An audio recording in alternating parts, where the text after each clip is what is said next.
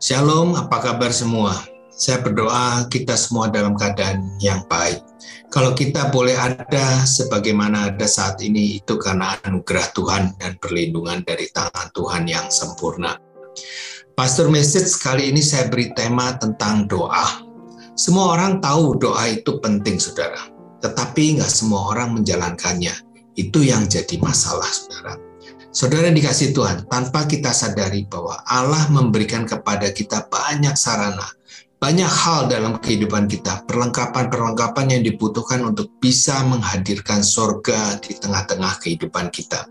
Tapi sayang kita tidak memanfaatkannya dengan baik. Di dalam Markus 1 3 ayat 35 di sini dalam Alkitab mengatakan dengan jelas bahwa pagi-pagi benar waktu hari masih gelap ia bangun dan pergi keluar. Ia pergi ke tempat sunyi dan berdoa di sana. Pagi-pagi benar Yesus berdoa.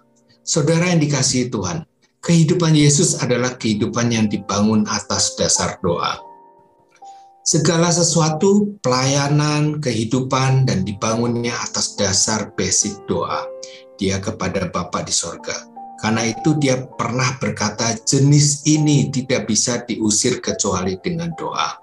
Jadi ada kalanya di kehidupan kita, dalam kepandaian kita, keterampilan kita, pengalaman kita, keuangan kita, masalah kita, punya keterbatasan di dalam menyelesaikan persoalan. Tapi lewat doa, tidak ada yang tidak bisa dijangkau lewat doa. Karena itu Bapak Ibu Saudara, saya mau dorong Saudara, mari bangun kebiasaan untuk berdoa kebiasaan doa itu perlu dibiasakan sampai itu menjadi sebuah gaya hidup.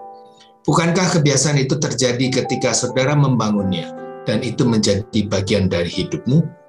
Saya pernah bagikan di Pastor Message beberapa waktu lalu dengan tema Intimacy with God. Bagaimana berdoa sebagai gaya hidup sampai menjadi keintiman berdoa yang otomatis.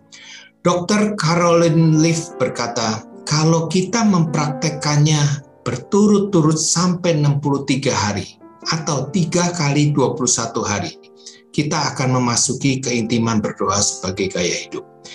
Doa itu begitu penting. Kenapa doa itu begitu penting? Karena bagi saya, doa itu adalah sebuah sarana untuk bisa mengenal Tuhan. Karena doa itu bukan hanya sekedar mengutarakan isi hati kita, tetapi yang paling utama, sebenarnya lewat doa kita bisa mengerti bahwa Tuhan itu menyingkapkan dirinya kepada kita. Sehingga dengan demikian kita akan semakin kenal dia, semakin kenal dia, dan semakin kenal dia. Bukankah Rasul Paulus berkata, yang ku kehendaki adalah mengenal dia. Perjalanan kekristenan kita tidak akan pernah bisa mengalami pertumbuhan tanpa pengenalan kita akan Tuhan. Kita akan ada dalam situasi yang sama, kalau pengenalan kita akan Tuhan mengalami stagnasi. Saya ingin mengajak saudara, mari latih diri kita. Hal yang pertama, doamu adalah doa yang membawa kita mengenal Tuhan untuk lebih dekat. Hal yang kedua, mengapa doa itu begitu penting?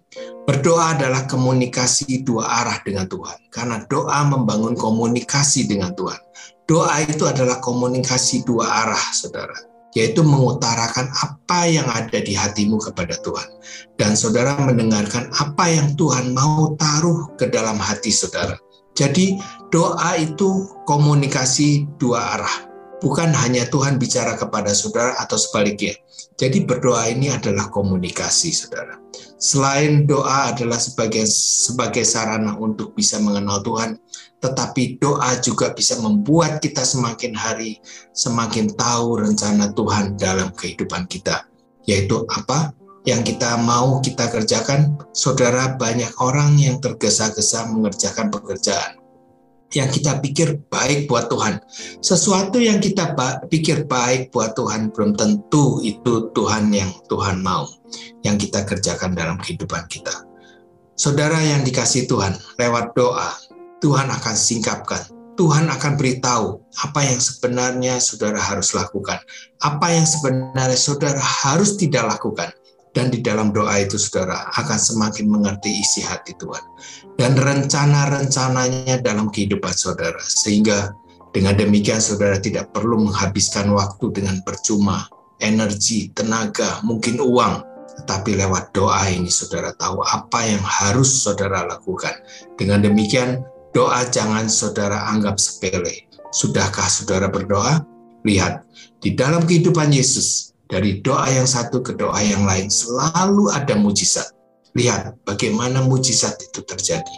Bagaimana kuasa Bapa nyata dalam kehidupannya Mau mujizat terjadi dalam hidupmu? Mari bangun kebiasaan berdoa. Amin and God bless you all.